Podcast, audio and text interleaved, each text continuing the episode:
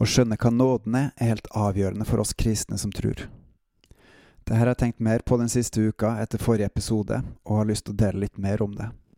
Velkommen til Gudesentrum av meg, Håkon Winnem, hvor du kan få høre litt mer om det her.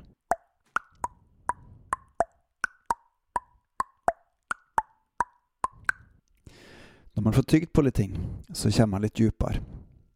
Sist uke så leste jeg fra min studiebibel hvor det sto at nåde betyr at Gud har elsket oss uten grunn i oss sjøl, for Jesus skyld, og refererte til Romerne 3.24. Og så la jeg merke til i etterkant at det er en utrolig kald beskrivelse av nåden. Det er som at Gud ikke bryr seg om oss, det er bare av Jesus. Elsker ikke Gud oss? var et spørsmål jeg stilte meg etterpå. Derfor så gikk jeg til den bibelreferansen de hadde, i Romerne 3,24, og fra vers 21 til 24 så står det Men nå er Guds rettferdighet, som loven og profetene vitner om, blitt åpenbara uten loven, Moseloven. Det er Guds rettferdighet ved tru på Jesus Kristus til alle over alle som tror. For det er ikke noen forskjell på folk. Alle har synda og står uten ære for Gud. Og de blir rettferdiggjort uforskyldt av Hans nåde ved forløsninga i Kristus Jesus. Halleluja, amen. Når jeg leita det her, så fant jeg rett og slett ikke hold for det som sto i studiebibelen, at Gud elsker oss uten grunn i oss sjøl, for Jesus skyld. I hvert fall så er det en veldig forenkling som ikke holder mål.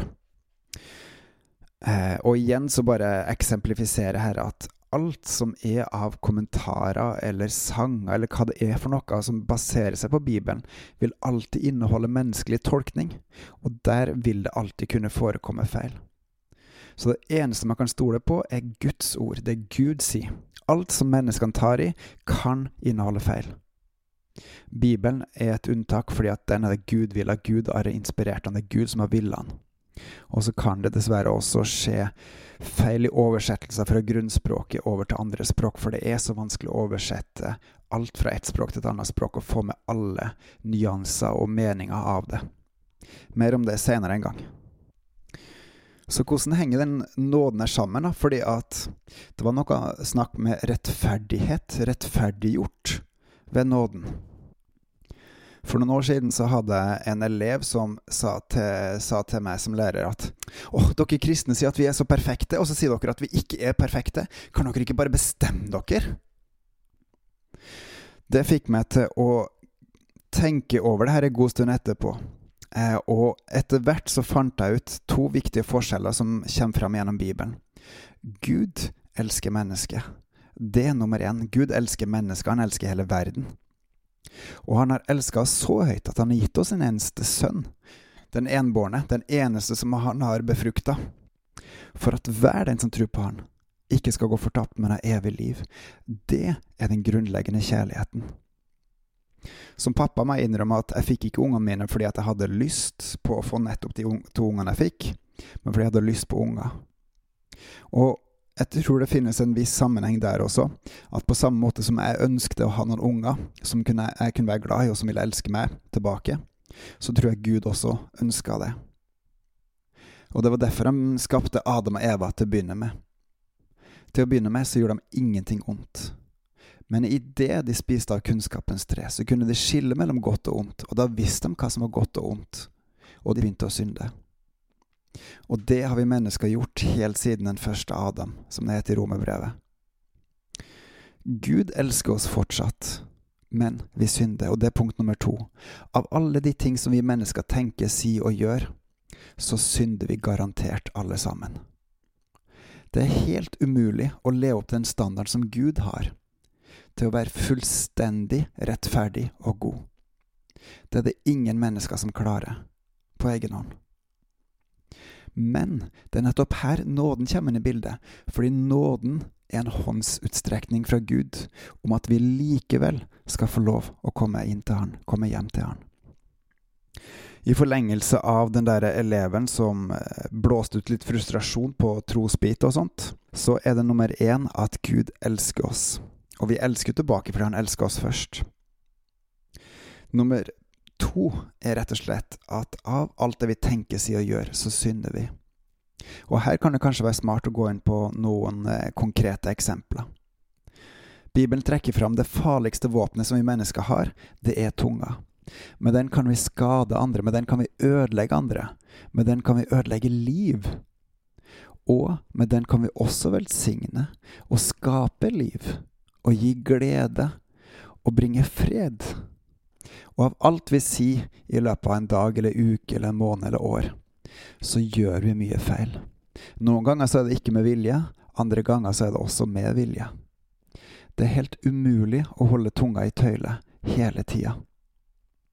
Og alt som skader et annet menneske etter Guds standard, alt som skaper Gud, det er synd. Så med munnen vår så kan vi synde faktisk ganske ofte. På samme måte er det med gjerningene våre. Vi gjør mye forskjellig. Og i noen tilfeller så prøver vi å godt, men så ender det opp vondt også. Det har jeg sjøl erfart. Og det er skikkelig smertefullt.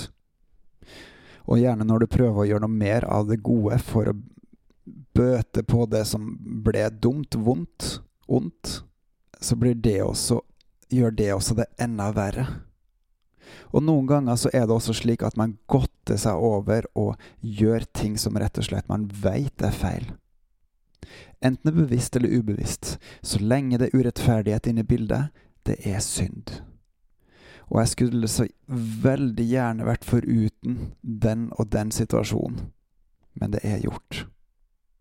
Jeg trenger nåde. Jeg trenger å bli rettferdiggjort. Fordi jeg klarer ikke å leve et liv som er godt nok for Gud. Jeg trenger å bli vaska rein. Og en annen bit som fungerer på ulike plan, er jo å synde med tankene sine. Å tenke negativt om andre mennesker. Det hører Gud. Det får Gud med seg. Det skriver han ned. Og hvis det er urettferdighet, så er det synd.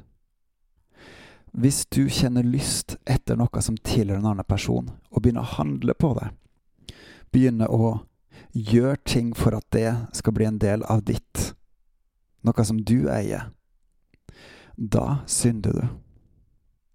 Vi skal ikke holde de ti bud, men vi kan lære av de ti bud. Og det siste budet, det budet som Martin Luther delte opp i to, fordi han tok vekk det andre budet, og fortsatt ville ha ti bud. Det budet handler om at du skal ikke begjære noe av de neste, noe som tilhører de neste. Er det noen andre som eier det, hold deg langt vekke fra det. Du skal ikke prøve å gjøre det til ditt eget. Det samme snakker Jesus om.